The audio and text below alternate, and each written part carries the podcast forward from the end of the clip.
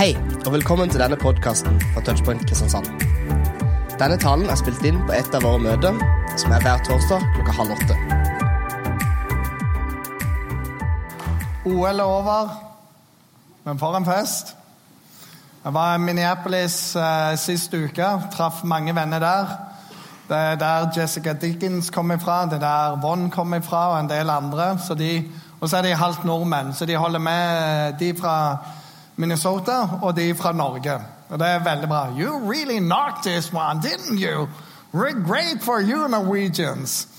Og så var det utrolig mange bra medaljer. En av de var jo han nordmannen som helt i slutten av, nei, begynnelsen av løpet fikk en skiløper over seg en ski gjennom alt bare opp på sida der. Og lå langt bak alle sammen. Og kom seg på beina igjen, og så bare tar han forbi alle og vinner. Det er ganske utrolig. Hvem skulle trodd det i begynnelsen av løpet? Oddsa på den seieren var høy. Jeg har en sønn på 11 år. Han spiller innebandy. Utfordringen for hans lag er at eh, de er stort sett 11 og 12 år, og de de spiller mot, er stort sett 14 år. Det er ganske stor forskjell der. Så de var med på et seriesystem i Det er sånn du spiller tre til fire kamper på en dag, og det teller i serien. Og denne dagen det var ute i Flekkerøya. Første kamp møtte de Fløy, og alle var to år eldre. Og de tapte 7-0. Så møtte de et lag fra Arendal, alle to år eldre. Og de tapte 4-0. Så kommer tredje kampen, og da møter de Fløy igjen. Og Fløy går jo ut litt sånn høye der 'Dette blir lek og moro'. Og Så begynner disse små tassene å ta dem. Og min egen sønn han er omtrent fra død vinkel, bare får ballen rett inn i vinkelen. Og pappa tar yes, Gud, du finnes. Yes. Veldig bra. Og fort så var de oppe i 3-0-ledelse. Og så ser jeg bare hvordan dette fløylaget kollapser. De er to år eldre. Og til slutt så vinner de 5-1. Og, og, de dribler de rundt og bare herjer med dem, og det er helt enormt. Det er ikke alltid på forhånd at du vet hvordan resultatet blir, selv om du tror hvordan det blir.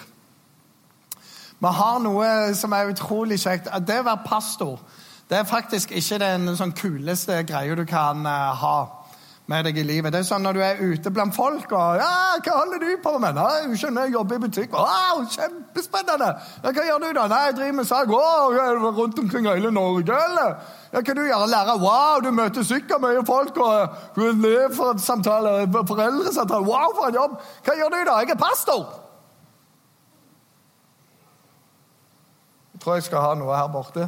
Det er bare sånn Alltid så er det der ja, der var det slutt på den samtalen, gitt. Så må liksom alltid komme opp med litt andre ting. Men det fins et par unntak. Vi, har, vi driver masse med ytremisjonsarbeid. Et av landene er Kongo-Brazzaville.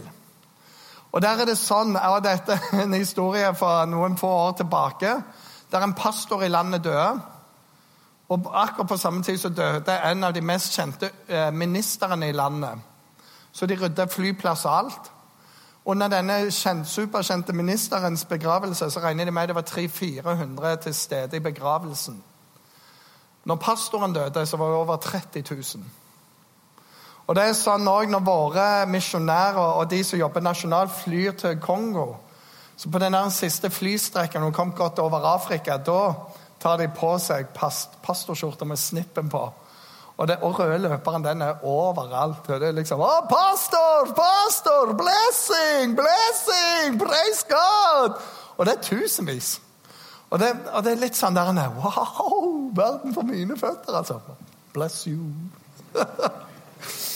Jeg har sett på en del sånne TV-program der folk ryker ut underveis. og Av og til så står de på ei linje, og så roper de opp liksom Hans, Grete, og så må de alle fram. Og så står noen igjen tilbake helt ærende, og så ser du alle de framme. Og så vet de bak at nå er vi ute av konkurransen, og du kan se det på dem. Så sier dommeren plutselig alle dere som tok steget fram, dere er ferdige i konkurransen. Dere kan gå ut. Og så ser du det skjer noe på den bakre. Hva som skjedde? Nå er jeg med videre her. Men det, det var jo? Og så forstår de det ikke helt. Og så bare sånn Wow! det, dette gikk jo mye bedre enn hva jeg skulle tro. Det er litt sånn òg når drømmedama di, hun du alltid har sett på og var hemmelig forelska i, men kompisene dine de ser ut som de har mer drag på henne. Og så vet du på en måte at eh, 'jeg kommer aldri til å få hun. Helt til hun sier en dag 'Skal du aldri spørre meg ut?' Hæ? Jo, kompiser Nei, de det er jo deg jeg vil ha. OK, jeg skal Ja, ok, ja, selvfølgelig. Og så, så, skjer det noe med deg. Så, OK. For du trodde noe helt annet. Jeg velger jo deg. Eller siste eksempelet. Du skal ut og reise, og du vet du har akkurat penger til billetten, og that's it. Og, og, de andre de har jo tenkt å shoppe litt og sightse litt og alt sammen. Men du er bare der. Jeg har ikke mer penger. Jeg har brukt studielån, jeg har brukt stipendet mitt, jeg har brukt alle sparepengene og råd til billetten. Og Rett før du skal reise, så kommer mor kanskje, og så sier du jeg tenkte du måtte ha noen lommepenger, så, så stikker hun en tusenlapp til deg og så sier ikke si noe til far. Og Da tenker jeg yes. Rett etterpå så kommer far inn. Og så sier jeg du Tenkte du trengte noe. Så stikker han en tusenlapp i det og sier ikke si noe. Jeg sa aldri i livet om jeg sier noe nå. Men så kommer søsteren din inn òg. Og så sier du du må jo ha det kjekt. Og du må jo shoppe noe til deg sjøl. USA der er jo alt under halv pris, og Victoria Secret er jo la-la. Stikker hun en tusenlapp? Ikke si det til noen. Nei, nei. Og så kommer bestemor di inn. Og da snakker du 10 000 kroner stappet i lommen. Og plutselig så kjenner du at denne budsjetturen den begynner å bli veldig bra. Og så kommer pastoren og sier du, har du hørt om tiende? oh, oh, nei, måtte ha med der. Men greia med det, det er denne serien her.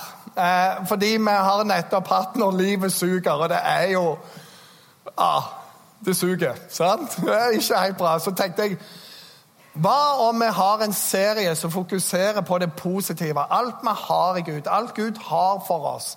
Verden for dine føtter. Så vi skal snakke litt om identitet. Vi skal snakke om at med Kristus så har han skapt oss til gode gjerninger. Gud har lagt foran deg, så du kan bare vandre i det. Hva vil det si? Og han ga oss et oppdrag for skynd mitt evangelie like til jordens ender. Vi skal innom det. Så skal vi snakke litt om hva er Guds kall for mitt liv. Og alt dette med et utrolig positivt fortegn.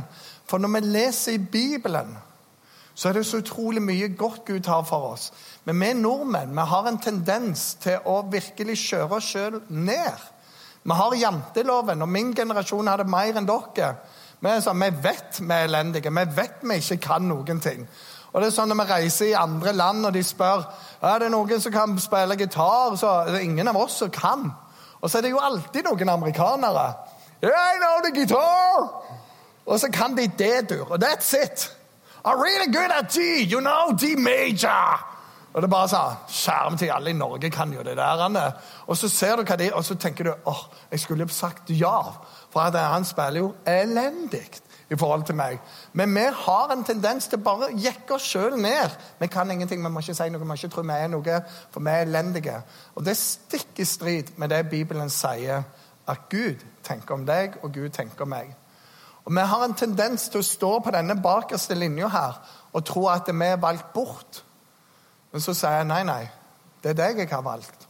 Og som denne damen som drømte etter, sa til din tosk. Det er jo deg jeg vil ha. Andre er ikke så kule. Og av og til Her er en setning som kan ta med deg. Og det er ikke lytt til deg sjøl, men prek til deg sjøl. For av og til så sier vi så mange dumme ting, usanne ting om oss sjøl. Og du trenger å lære å preke til deg sjøl. Og måten du preker til deg sjøl, det er når det kommer en sånn der en suser av en tanke, som er som et balltre som slår deg i stykker, så parerer du det med Guds ord og er jeg er dyrebar i Guds øyne. Han har utvalgt meg. Det er ikke vi som har valgt han, det er han som har valgt oss. Jeg føler meg ikke bra nok. Han har adoptert meg inn i sin familie. Jeg føler ikke at Gud tar imot meg. Alle de som tok imot ham, de ga ham rett til å bli Guds barn. Ja, men Gud kan ikke ta en sånn som meg. Jeg er jo altfor elendig. Jeg har ingenting. Altså, Jeg vil aldri støte bort en som kommer til meg. Så må du lære deg noen av disse bibelversene, så må du reise deg opp, og så må du tale til deg sjøl, ikke lytte til deg sjøl. Du parerer disse løgnene du serverer deg sjøl, med Guds ord og Guds sannhet. Og det er noe av siktemålet her. Mitt håp for deg at du skal være en frimodig kristen som har det bra. Og selv når du gjør feil, for de skal du gjøre en haug av gjennom livet. Det er ikke bare pastorer som får lov til å gjøre feil. Alle andre får lov til det. Men midt oppi det så skal du vite men jeg elsker Gud. Så det er siktemålet her. ok? I begynnelsen av Bibelen så står det at Gud skapte himmel og jord. og Så kan vi ha en hel taleserie om bare det. Men uansett, samme hvilken teori du er på, så må du svare på dette spørsmålet. Det må jo være noe som var før alle andre ting. Og på en måte så må det være før det og før det og før det igjen. Men hvis det starter det, hva var før det? Så det ser ut som det er noe som er uavhengig av tid. Og så kan du òg tenke utover. Ja, men bak den planeten, hva er da? Universet uendelig. Så det må være noe som er uavhengig av rom. Så hva er det som er uavhengig av tid og rom? Og, er, og, jeg tenker det er veldig enkelt å si Gud. Det andre blir veldig avansert å si, faktisk. Men det er ikke det vi skal holde på med. Det står første Mosebok, helt i begynnelsen, kapittel 1, så står det at det Gud skaper himmel og jord. Og Det første han bruker, er en elektriker. Gud sa det ble lys, og boom, så var bryteren på. Boom, så kommer det. Og så står det for hver eneste ting Gud skaper, og se, det var godt. Gud likte det han hadde skapt. Og til slutt så skaper han mennesket. Og det var sånn Wow, dette er veldig godt. Og det står det som er forskjellen på alt annet Gud har skapt, og mennesket. Det står han skapte Gud, uh, mennesket i sitt bilde. Vi er en kopi av Gud. Vi er meint å være det. Vi er ikke meint å være Gud, som mange prøver å leve opp sånn. Alt handler om meg sjøl egosentrisk livsstil. Ikke det vi snakker om. Men vi er skapt i Guds bilde til å ligne på Han og til å sette noe av Hans avtrykk inn i verden. Og Han har skapt oss til en forvalteroppgave, og vi har fått utrolig mye tillit av Gud. Og så sov Gud en natt, og så tenkte han nå må jeg bare toppe dette. her. Så han tar et ribbein av mannen, og ut av det så former han damen. Og etter det så har vi levd med nakkesleng. Så det er bare sånn, det, og Etter det var det ikke vits i å skape mer. Nå var det bare perfekt univers.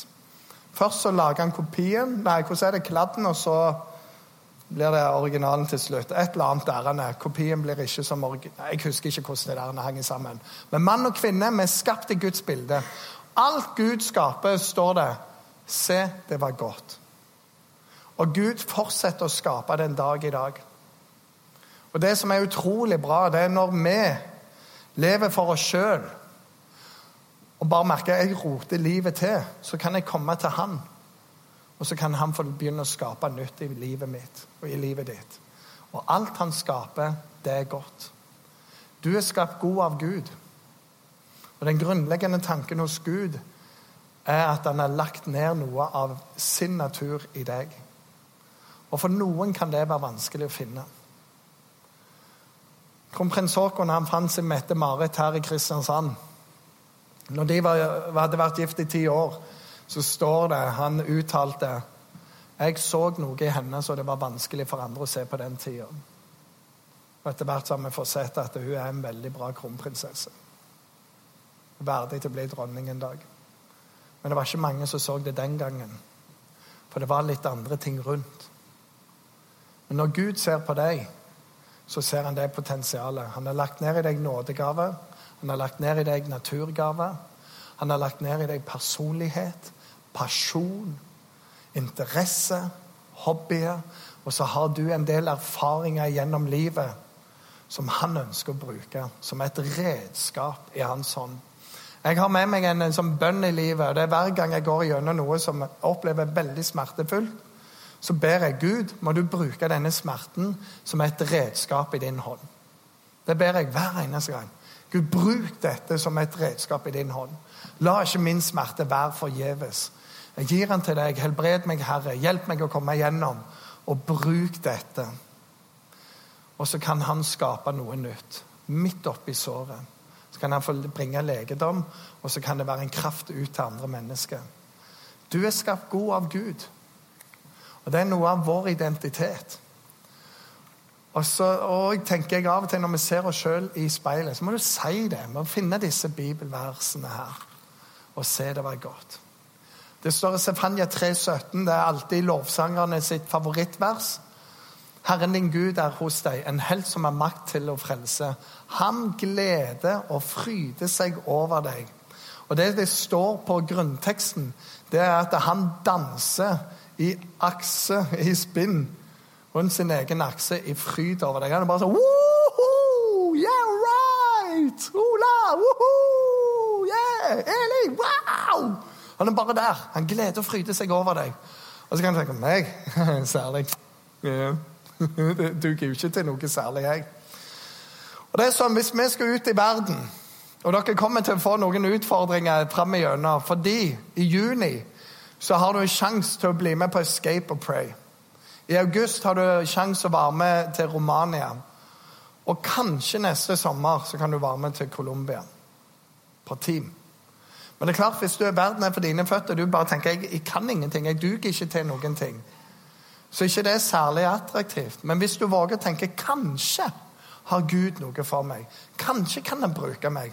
Og litt sånn som så når mor sier 'her har du 1000 kroner', ikke si det til far, og far sier det samme, søstera di kommer, og, og, bestemor kommer og kjente, Dette begynner å bli en veldig bra tur. Så er det litt sånn med Gud òg. Vi må si ja, og så gir han utrustning etter hvert som vi går. Så får du erfaring. Vi var nettopp en gjeng i Romania. Og det var en fantastisk tur. Og bare se hvilke steg vi tar. For de tror vi kan alt, vi i Norge. Vi må be for alle. Alle vil ha bønn. Vi er nordmenn. Og vi og noen har aldri bedt før, så jeg bare begynner. Plutselig får jeg ei oljeflaske, og så sier pastoren Han kalte meg for pastor Roli, Så jeg bare omdøpte det til pastor Holy. Og Det syns jeg var veldig bra. Pastor Holy on the trip to Romania way.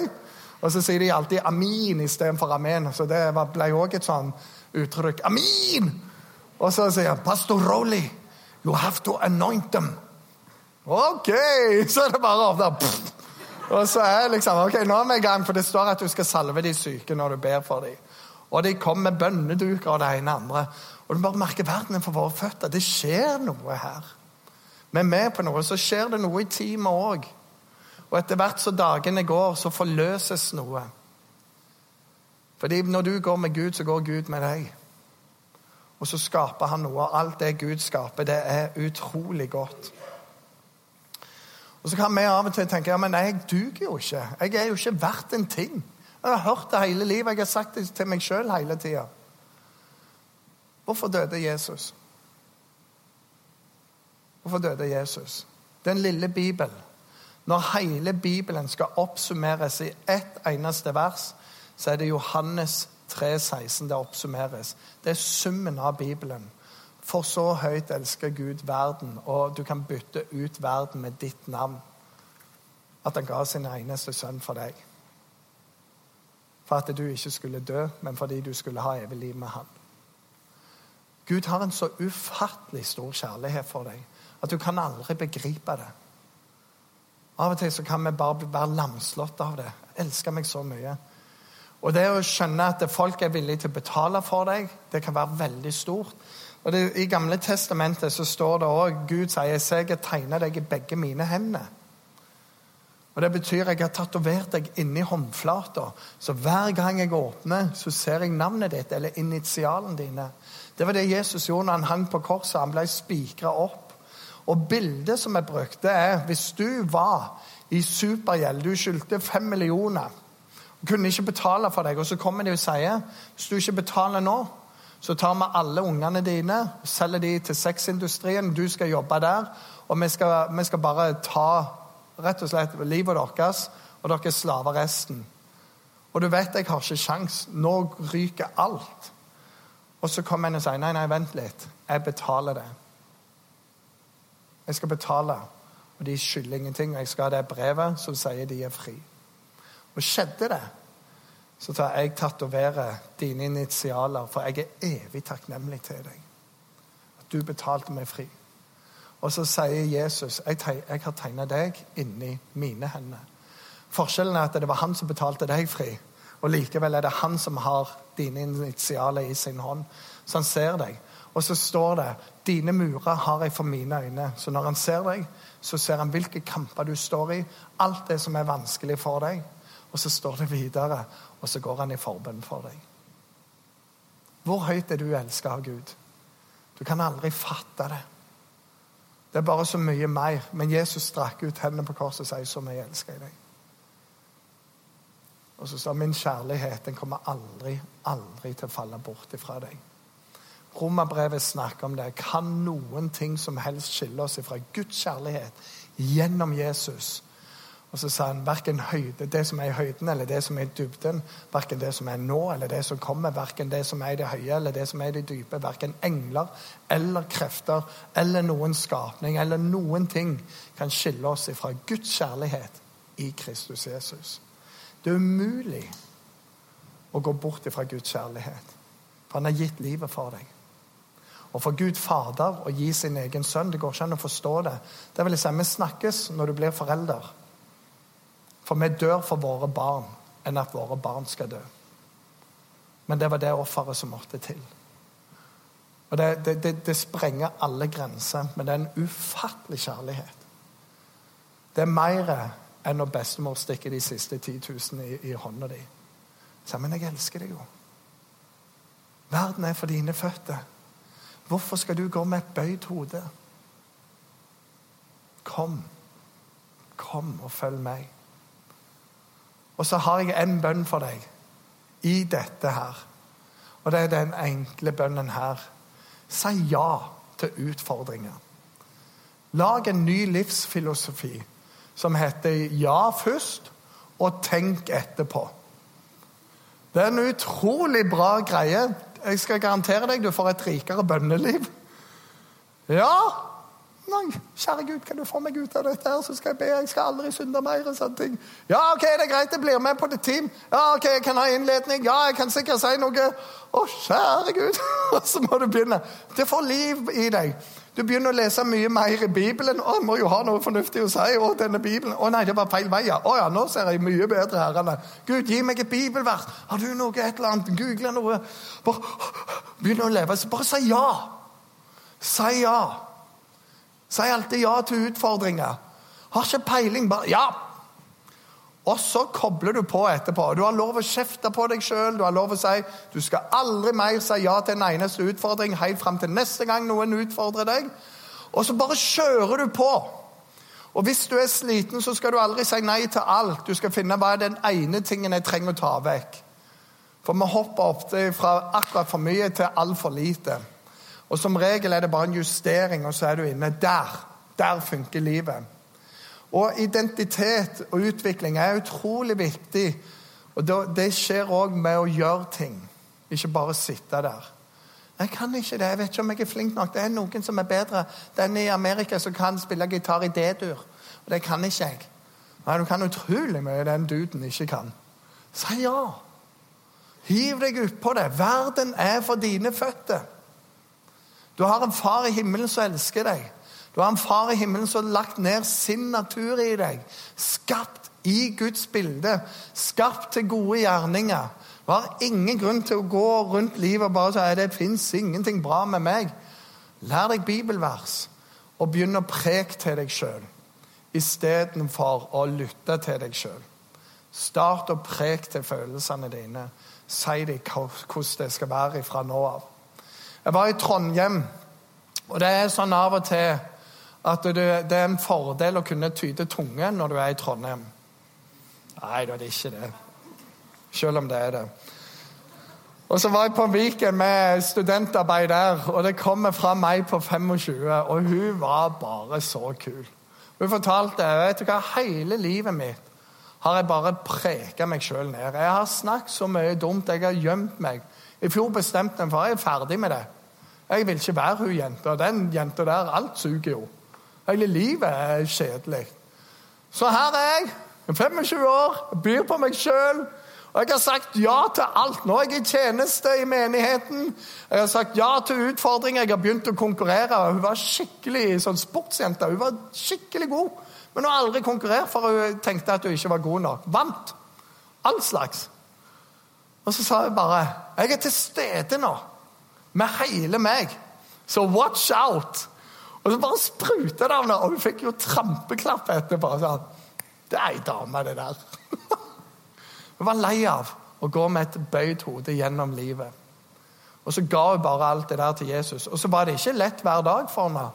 Fordi når du har sagt noe til deg sjøl hele livet, så tar det litt tid. Men hun sa 'Jeg er ferdig med det'.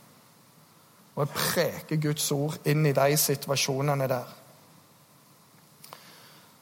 Det står det at vi som er kristne, vi er et hellig presteskap. Det vil si, i Guds øyne så er du en prest. Du er hellig, du er feilfri. Gud ser deg gjennom Jesus sine øyne. Så når han ser på deg, så ser han ikke feilene dine og ikke nederlagene dine, men han ser Jesus i deg. Et annet bilde han bruker på oss, det er at vi er kongssønner og kongsdøtre. Vi er prinser og prinsesser. Vi skal arve himmelen en dag.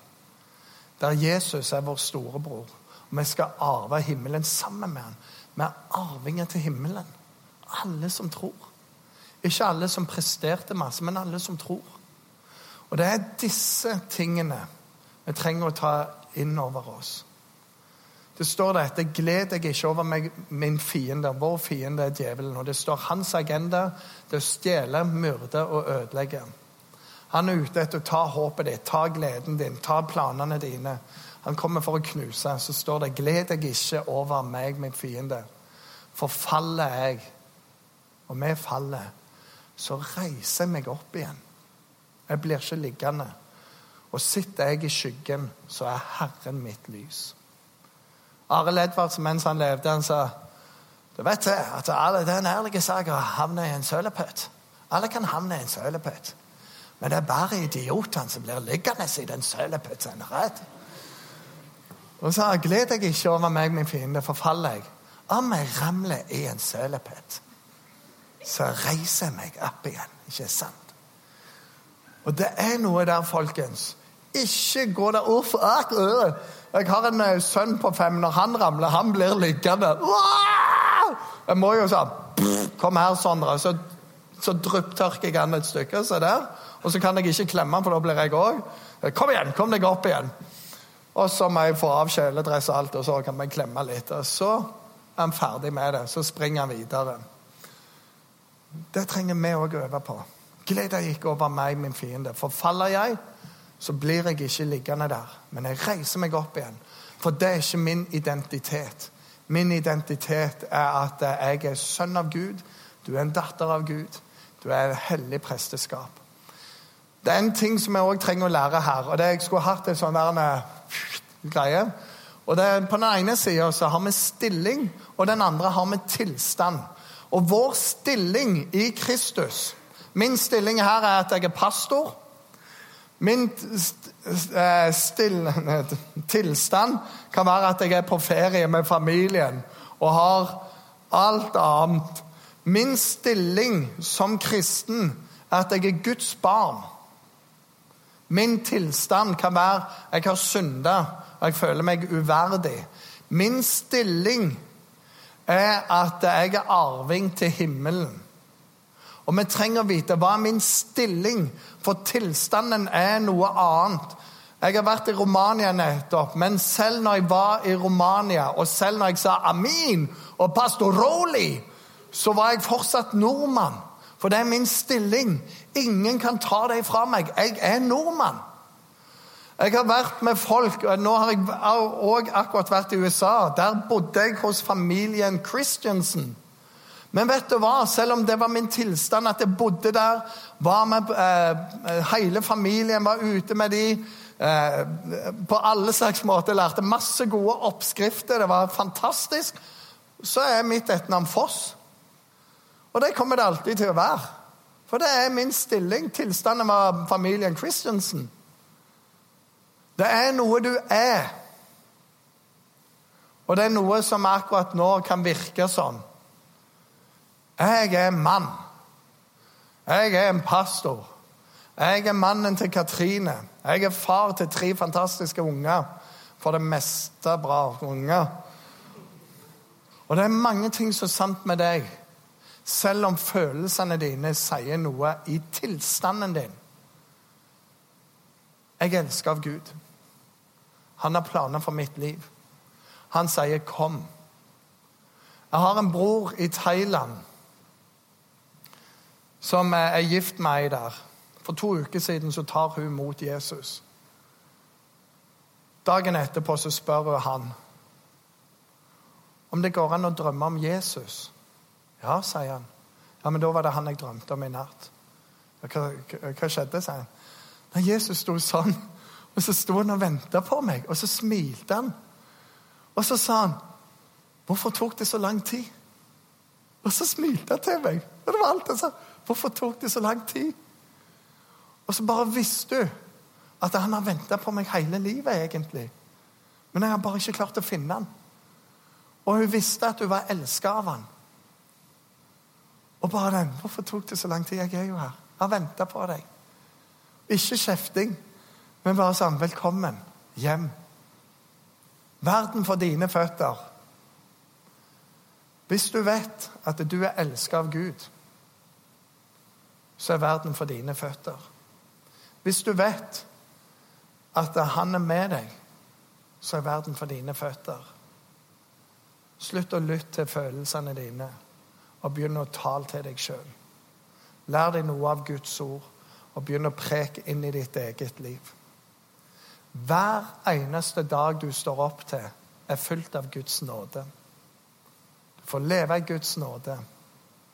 Hver eneste dag så får vi lov å spørre hva i dag, Gud? Hva sender du meg til? Og så har jeg lyst til at du skal være nysgjerrig på livet. Altså, jeg skal jage etter det Gud har. Jeg skal si ja til utfordringer. Det kan være at du blir kjent med andre sider av deg sjøl. Ting som du aldri trodde du hadde. Altså Person etter person etter person gjør det. Men du må våge å ta det der steget uti. Ja, men det holder sikkert ikke. Jeg er ganske så sikker på at du er den de sier, men det er deg jeg vil ha. Gud velger deg. Våg å velge ham. Og for de neste ukene, be om at Gud skal få lov å utfordre deg. Be om at Gud skal få tale til deg. Og jeg vet Gjennom seriene, spesielt i januar, så er det flere av dere som begynte å kjenne på noen ting. Noen tok det veldig seriøst at i år skal jeg få meg kjæreste. Gratulerer til alle dere. Men det er òg andre budskap som har begynt å jobbe. Kanskje jeg skal reise på team i, i, sommer. Dette året skal jeg kanskje ta et nytt trossteg. Og jeg heier på det. Gud har skapt deg, og alt Gud skaper, er godt. Når du gir livet ditt inn i Guds hender, så begynner han å forme deg. Det var en som sa det i en andakt i dag eh, Nei, i går. På, jeg, jeg, er far til ei som er konfirmant.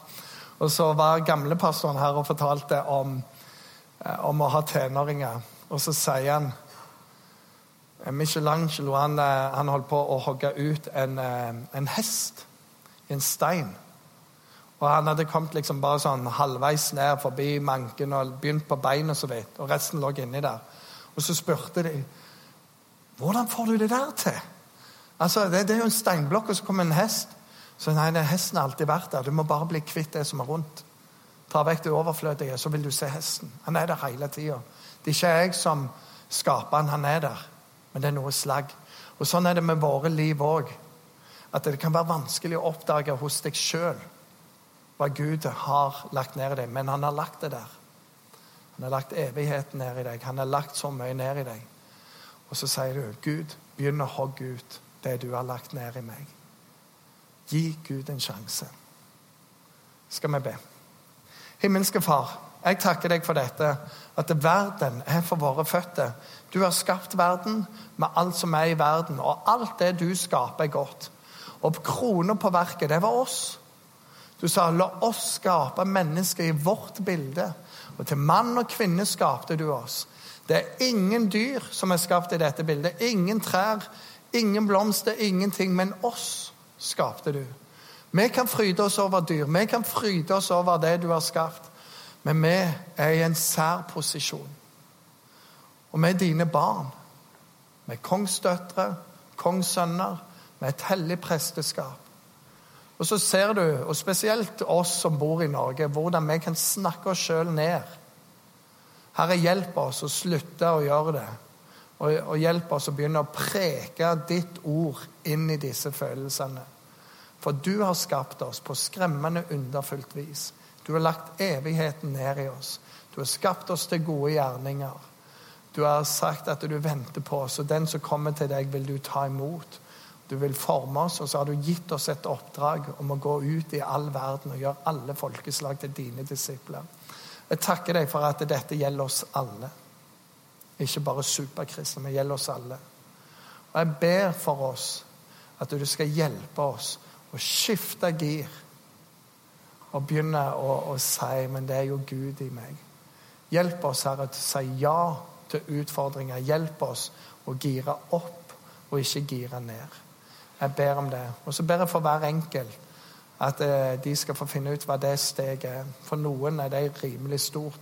For mange så er det det enkle steget om å si ja når nestemann kommer og spør om å hjelpe til. Hjelp oss, her å si ja. Og jeg takker deg, for verden ligger for våre føtter. For du har sagt det. Gå ut i hele verden og vær mine vitner. I Jesu navn. Amen.